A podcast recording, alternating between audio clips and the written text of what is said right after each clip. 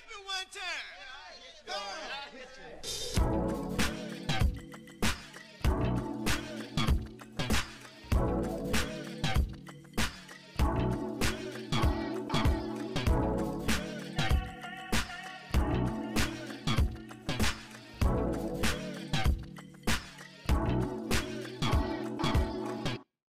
On. www.inthehorizon.co Good music, great vibes. Balik lagi sama gue Pandu Dwi Putranto di Cultural Society by Horizon Radio.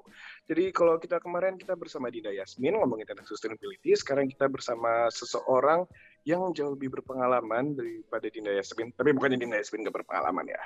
Dengan untuk membahas masalah sustainable product itu sendiri Dan sustainable lifestyle, sustainable flow gitu-gitu. Dan bisa dilihat guestnya sudah datang. Selamat siang Kanovi Halo Pandu. Halo Kanovi. Mungkin sebelumnya boleh memperkenalkan diri dulu sih, kayak nama, tanggal lahir atau apa pun. Dan uh, sekarang lagi sibuk apa seperti itu? Ya boleh perkenalkan dulu. Oke, uh, perkenalan dulu ya. Nama Ya, saya. Anastasia Novi, biasa dipanggil Novi.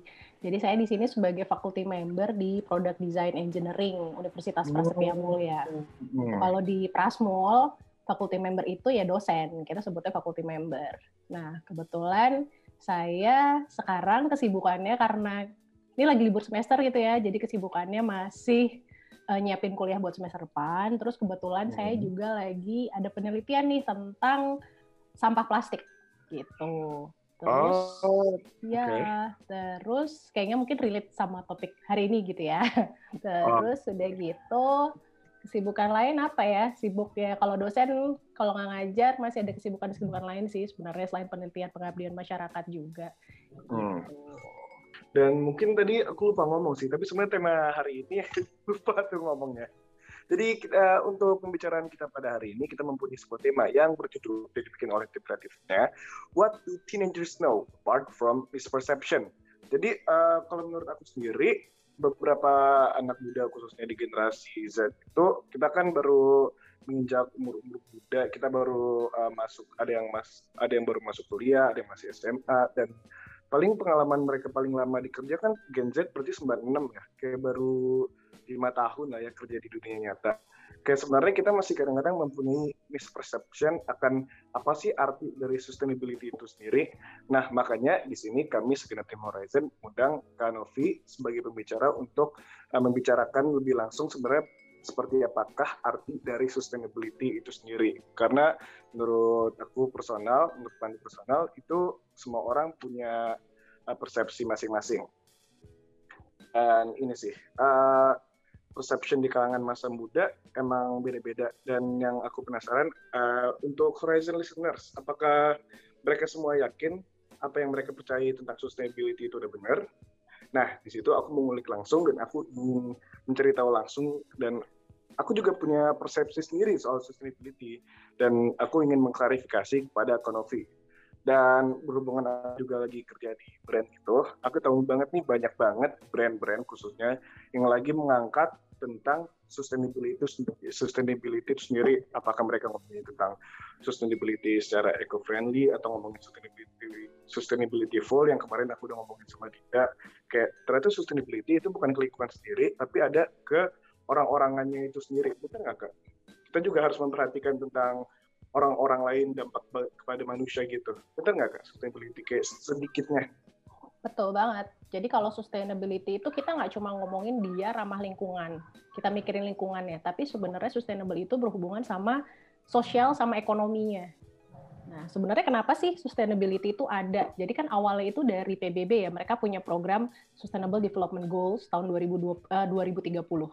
Nah, di situ diadopsi sama Indonesia yang kita sama-sama punya goal yang berhubungan sama sustainable. Nah, kalau misalnya bisa browsing di luar sana banyak sih sebenarnya informasi tentang ini. Jadi nggak cuma yang berhubungan sama climate change, tapi juga berhubungan sama energi bersih, terus perubahan eh tadi perubahan iklim ya, terus ekosistem laut juga harus dijaga, terus air bersih, pendidikan bermutu, terus mengakhiri kelaparan, menghapus kemiskinan yang which is itu berhubungan sama sosial gitu kan dan ekonomi. Kita nggak cuma mikirin si lingkungan doang gitu. Hmm. Itu dari sana. Oke. Oke kak, sekarang kita akan ngomongin tentang persepsi yang salah dari anak muda zaman sekarang. Nah, kalau menurut kakak, apa sih alasan utama uh, semua konsumen, bukan semua sih, mayoritas konsumen masih menggunakan produk berbahan dasar plastik dan kenapa itu nggak direkomendasikan untuk menggunakan produk berbahan dasar plastik? Karena uh, misalnya saya sebagai orang uh, saya sebagai orang awam ngomong nih, kalau saya pakai sedotan plastik, menurut saya itu lebih mudah gitu loh. Dan sedotan plastik kalau saya pakai ya lama-lama eh, tetap sekeras itu. Sedangkan kalau saya kadang-kadang pakai paper straw, itu paper straw sejam aja udah ada lembek gitu kan soalnya. Nah, kalau menurut kakak, alasan utama mengapa penggunaan produk berbahan dasar plastik tidak direkomendasikan itu sebenarnya kenapa? Oke, okay. jadi kalau si plastik itu sebenarnya sih permasalahannya di Indonesia itu adalah pengolahan sampahnya yang masih uh, kurang baik gitu lah ya dalam tanda kutip kurang baik. Jadi hmm. uh, harusnya, nah kalau misalnya kayak kita lihat nih di luar negeri gitu, mereka tuh uh, plastik nggak terlalu jadi big issue untuk beberapa negara. Kenapa? Karena mereka pengolahan sampahnya udah baik. Nah kalau di oh. Indonesia sampah plastik itu jadi isu karena pengolahannya masih kurang gitu. Orang kan biasa buang sampah masih sembarangan orang mm. sampah ke uh, sungai, terus tiba-tiba mm, ditemukan kan plastik-plastik itu di laut gitu kan. Sebenarnya kan asalnya dari situ. Nah kalau misalnya kita lebih uh, bijak untuk mengelola sampah, kita udah mulai milih-milih sampah, kita tahu ke mana sampah plastik itu dibuang, terus juga botol-botol itu dibuang, kita tahu itu sebenarnya akan lebih mudah gitu. Cuma uh, kayaknya untuk ngarah ke sana tuh kayak masih ada susah gitu kan. Makanya orang-orang bikin campaign, ya udah deh kurangin sampah plastik. Gitu, kita kurangin sampah plastik, kita pakai sedotan yang uh, bukan berbahan plastik gitu. Terus juga tas uh, tas kresek gitu ya buat belanjaan itu juga kan dari plastik itu juga dikurangi. Nah, campaignnya arahnya ke situ. Cuma terkadang yang menjadi permasalahan atau jadi isu baru nggak selalu ketika kita pakai sedotan yang stainless, ketika kita pakai uh, tas ber, bukan yang bahan plastik gitu ya, misalnya tas kain gitu untuk berbelanja. Nah, itu jadi sesuatu yang uh, lebih baik gitu. Karena kalau misalnya tadi kan saya sempat singgung untuk tentang life cycle ya. ya jadi betul. ternyata isu yang menarik adalah uh, ketika kita ngomongin life cycle antara pembuatan plastik dan pembuatan si sedotan stainless itu belum tentu yang sedotan stainless itu life cycle-nya lebih baik loh daripada yang plastik gitu. Jadi oh. bukan berarti gitu. Jadi bukan berarti kalau misalnya kita, oh gue udah bawa ini nih tas belanja ke mana-mana pakai uh, punya tas kain sendiri, gue nggak pakai plastik. Nah belum tentu kebiasaan kamu atau habit kamu yang kayak gitu tuh lebih baik gitu daripada penggunaan sampah plastik gitu. Kenapa? Karena orang-orang cenderungan kayak gini nih. Jadi orang udah punya uh, sedotan plastik, eh, sorry sedotan stainless, terus uh -uh. beli banyak. Nah sebenarnya salahnya di situ.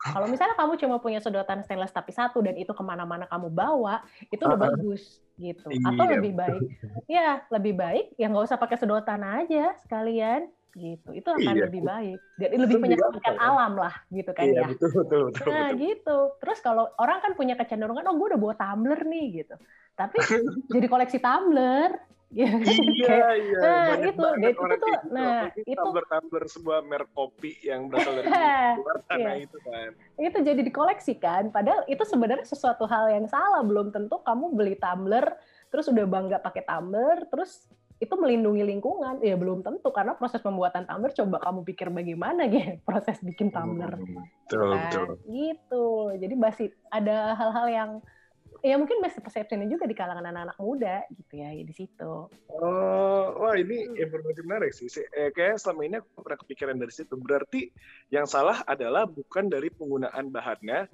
melainkan dari gimana gimana dan metode pembuatan dari produknya.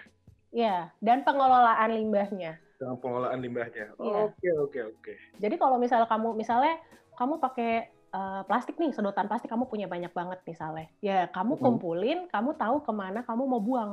Buang hmm. ke orang yang tepat gitu, ke lembaga yang tepat. Sekarang kan banyak ya ada uh, lembaga-lembaga atau misalnya industri-industri yang dia mulai mengelola sampah-sampah plastik misalnya kayak gitu ya dibuang aja ke orang yang tepat gitu tapi kalau misalnya kamu mau lebih bagus lagi jangan pakai plastik kalau nggak mau pakai sedotan, ya nggak usah pakai sedotan.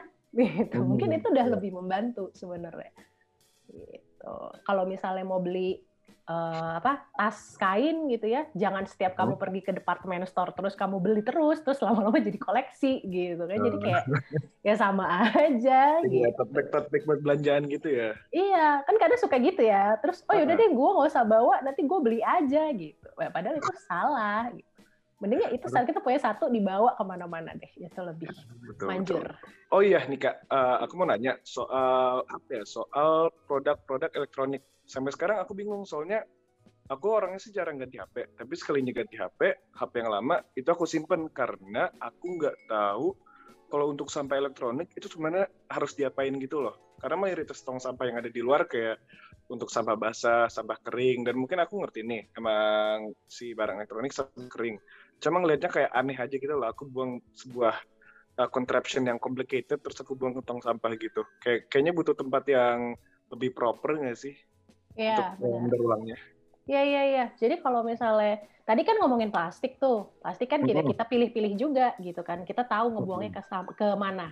Tapi kalau misalnya si sampah elektronik juga sama kasusnya. Jadi sekarang itu udah banyak eh, orang atau lembaga yang memang mengelola sampah elektronik juga. Kalian bisa browsing di Instagram ada, di Google juga ada gitu. Nah, terus ada juga beberapa Dropbox Dropbox yang ada di tempat-tempat umum ya gitu, dia untuk membuang sampah-sampah elektronik itu. Nah, itu kan macam-macam nih, misalnya handphone, handphone kamu nggak usah, eh, udah nggak kepake. Kalau misalnya mau ganti handphone baru, kadang kan kita bingung ya, ini hand- eh, handphone yang lama terus dikemanain gitu. Kalau udah Iya, nggak pakai, apa misalnya kadang kan ya kalau bisa dijual lagi ke counter handphone kan ada yang kayak gitu. Tapi ada juga orang-orang ya ya udah deh ini kan dijual aja nggak laku. Nah terus gimana? Jangan dibiarin di rumah kamu dicari tahu dibuang ke mana dikasih ke siapa gitu terus juga baterai baterai baterai batu baterai gitu loh itu kan yang paling banyak banget sebenarnya sampah-sampah kayak gitu tuh di rumah Padahal Hmm. kalau didiemin itu akan berbahaya. Terus kalau misalnya kita buang ke tanah pun itu juga eh, akan mencemari tanah. Jadi kita harus benar-benar bijak. Kalau misalnya yang berurusan sama baterai, cari deh itu banyak yang lembaga yang ngurusin kayak gitu. Tapi yang jelas Oh. jadi dari rumah kamu harus milah dulu tuh si sampah-sampah itu di kategorinya apa. Terus saya harus tahu mau buang ke mana gitu. Terus kalau sampah plastik dibuangnya ke mana, jangan dibiarin doang dibuang misalnya ke ya taruh aja di tong sampah nanti biar diambil sama tukang sampah misalnya gitu kan Hmm. mereka juga belum tahu tentu tahu gitu kan bagaimana cara mengolah itu jadi kita Dan juga kalau harus kritis iya, kalau orang semua melakukan eh, ngebuang sampah di tempat yang sama, juga kesian tukang sampahnya kan, kayak milah-milahnya juga butuh waktu juga kan. betul jadi kita harus memperingan tugasnya mereka lah dari rumah yaitu starting buat milah sampah gitu Oke. Eh, sama ini kak, kayaknya dulu aku pernah lihat kayak kadang-kadang beberapa tong sampah emang ada yang sampah kering, sama ada juga yang sampah basah. Itu ada satu lagi tuh kayak buat sampah chemical gitu ya. ya Itu berarti kayak ba- baterai bisa dibuang ke chemical berarti.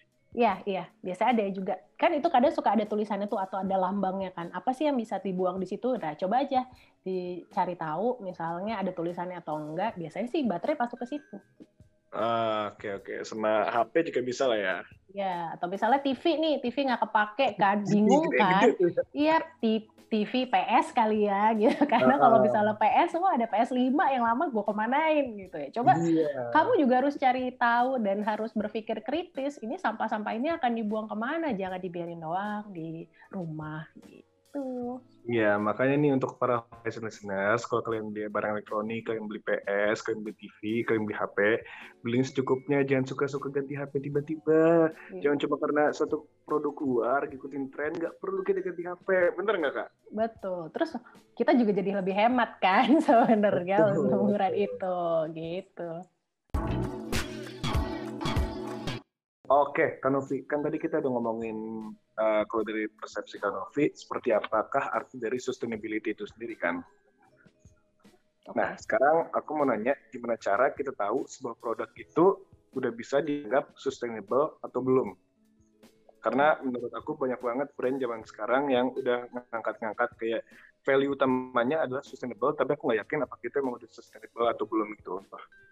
Oke, jadi sebenarnya kalau cara paling gampang itu kita bisa lihat produk itu sustainable atau enggak, kita lihat dari logonya. Jadi sekarang tuh ada beberapa uh, eco eco label lah ya kita sebutnya dia Hmm. label-label yang eco green, yang ramah lingkungan, yang dia memperhatikan uh, hutan misalnya seperti itu. Dilihat dari logonya. Nah untuk di Indonesia sendiri tuh logo kayak gitu juga udah di apa ya, udah disiapin sama Kementerian Lingkungan Hidup gitu. Jadi ada produk-produk yang seperti itu. Nah kalau misalnya contohnya nih ya, contohnya kalau misalnya di minum susu, susu boleh sebut merek gak sih? Hmm, kita sebut saja mereknya A deh. Oke, Aku ada merek A gitu ya. Kalau misalnya kamu perhatiin di bagian sampingnya, nah itu dia ada yang lambangnya FSC.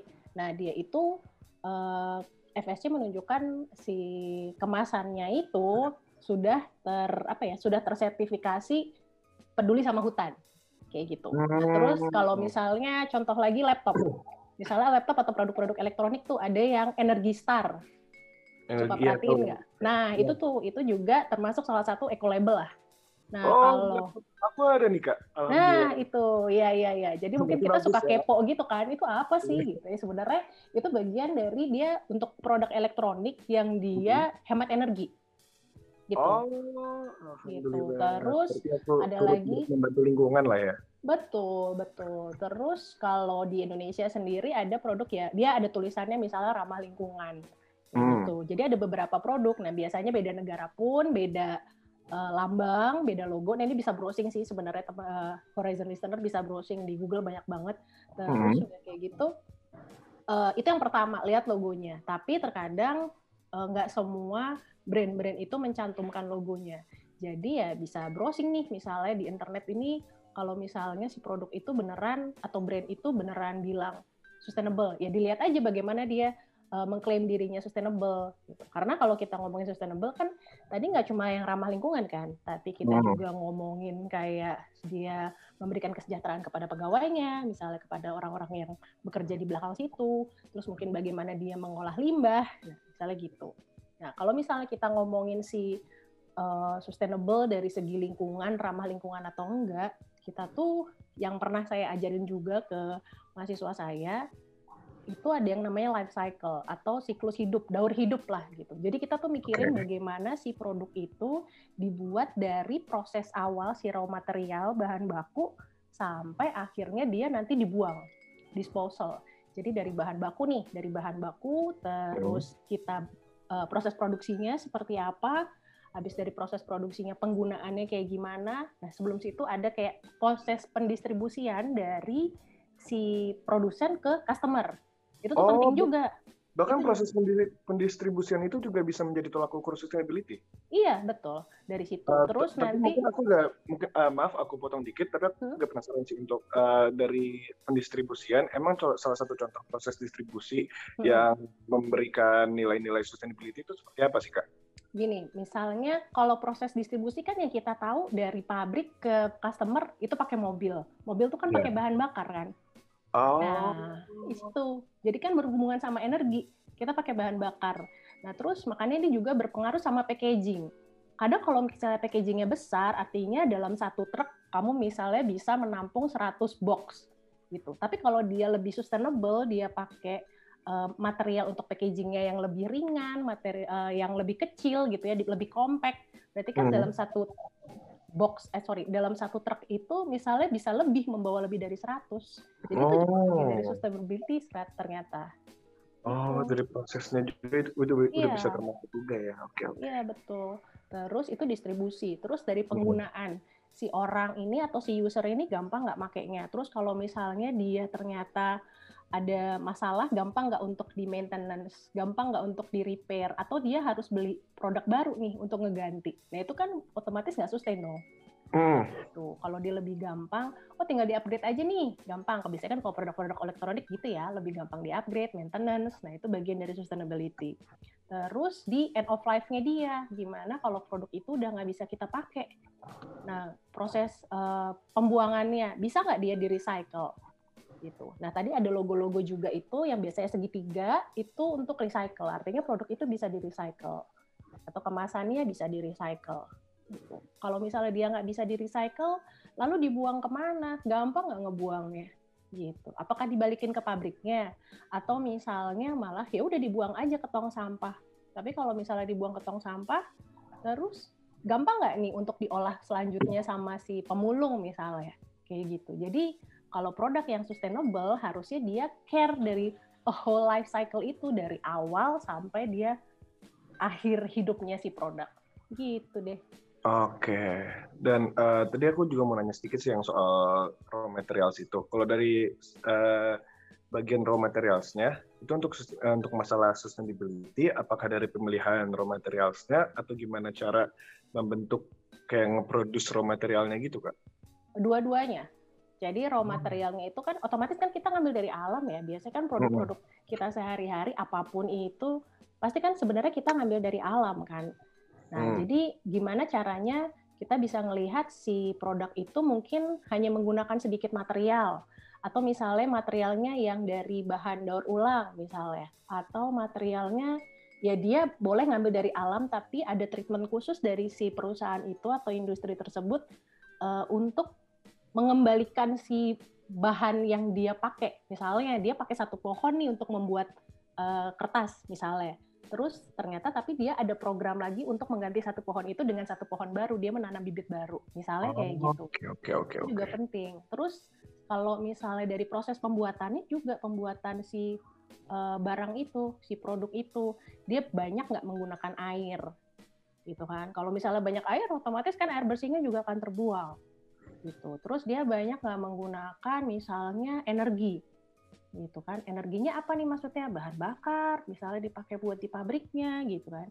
Atau misalnya dia udah pakai energi terbarukan buat di pabriknya. Hmm. dari proses produksinya sendiri juga kan terkadang ada limbah tuh. Ada limbah yang harus dia buang kan. Ada emisinya hmm. yang dibuang ke udara gitu kan. Atau dibuang ke sungai gitu aja. Di treatment dulu nggak kira-kira sama dia karena itu juga berhubungan sama kesejahteraan warga yang ada di sekitar pabriknya dia misalnya. Gitu. Kalau misalnya air sungainya kotor gimana? Karena misalnya ada limbah yang kebuang dari produksinya itu. Gitu. Jadi sebenarnya hmm. ya kalau disebut sustainable harusnya semuanya. Makanya memperhatikan sosial sama ekonomi juga. Gitu. Oke. Uh, kak aku pernah dengar kata-kata secondary product.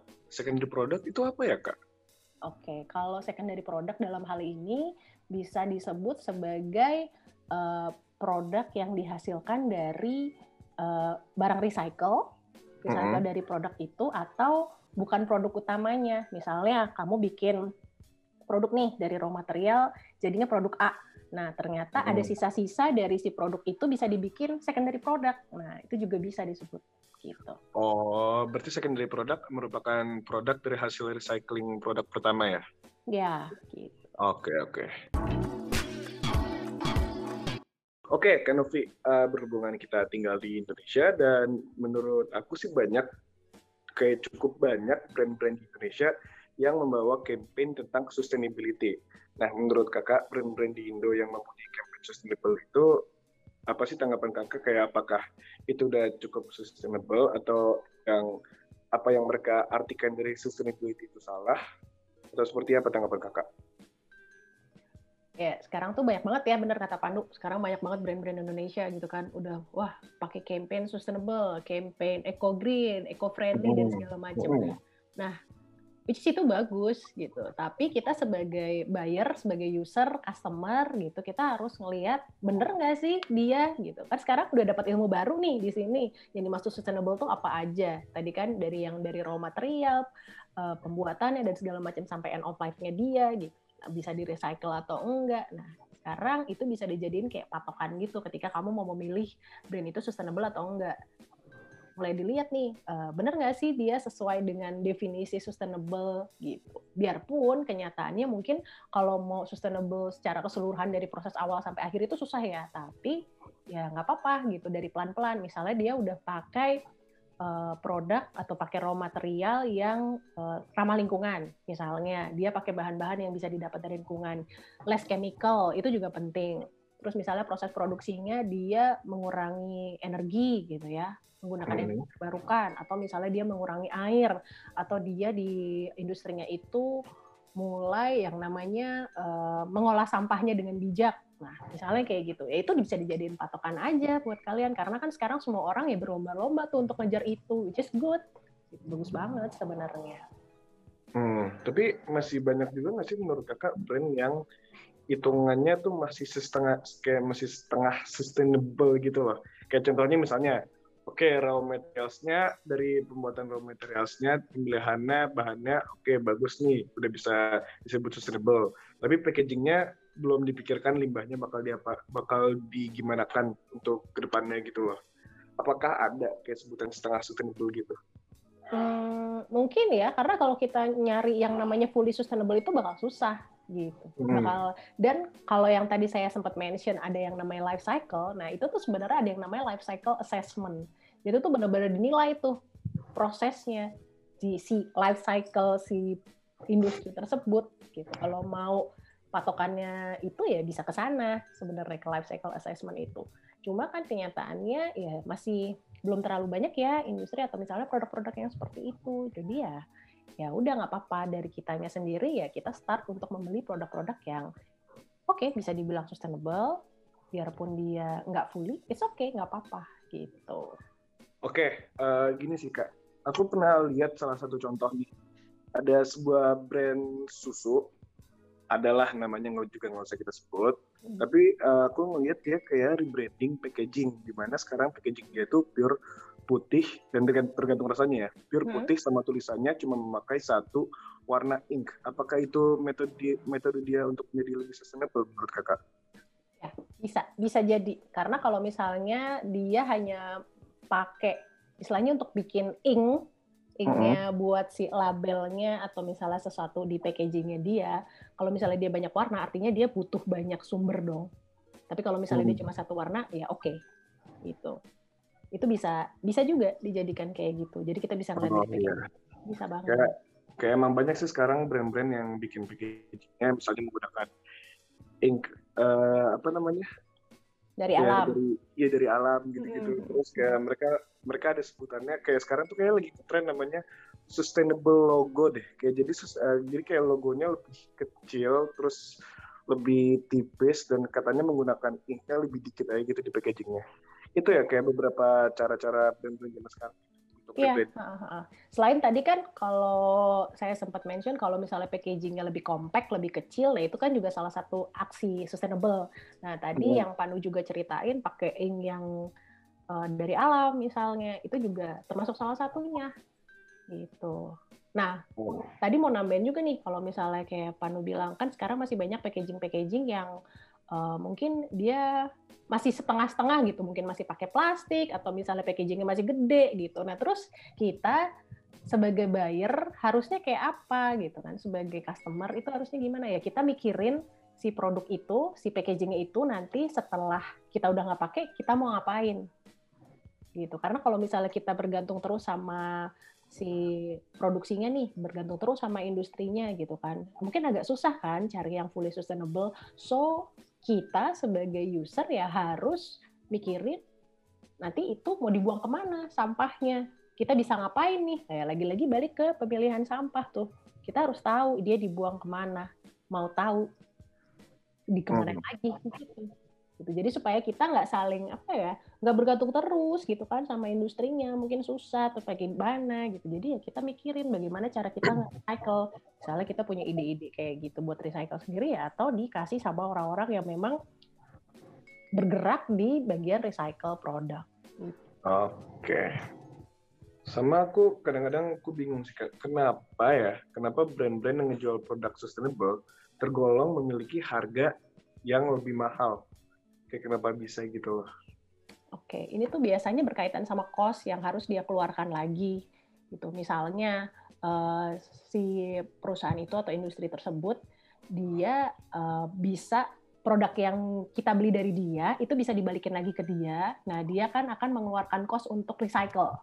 Nah, hmm. itu jadi kan dibebankan kan ke customer gitu. Atau misalnya dia ada cost yang harus dikeluarkan untuk bagaimana mengolah limbah limbah-limbah dalam proses produksinya misalnya. Kayak gitu. Ada juga hmm. tuh itu kan harus ada cost yang harus dibebankan. Ya dibebankannya ke mana ya? Ke customer ya atau misalnya kayak tadi kita uh, sorry. Dia pakai satu pohon nih untuk membuat satu produk. Nah jadi ada yang dikeluarin lagi dia nanam lagi nih satu bibit.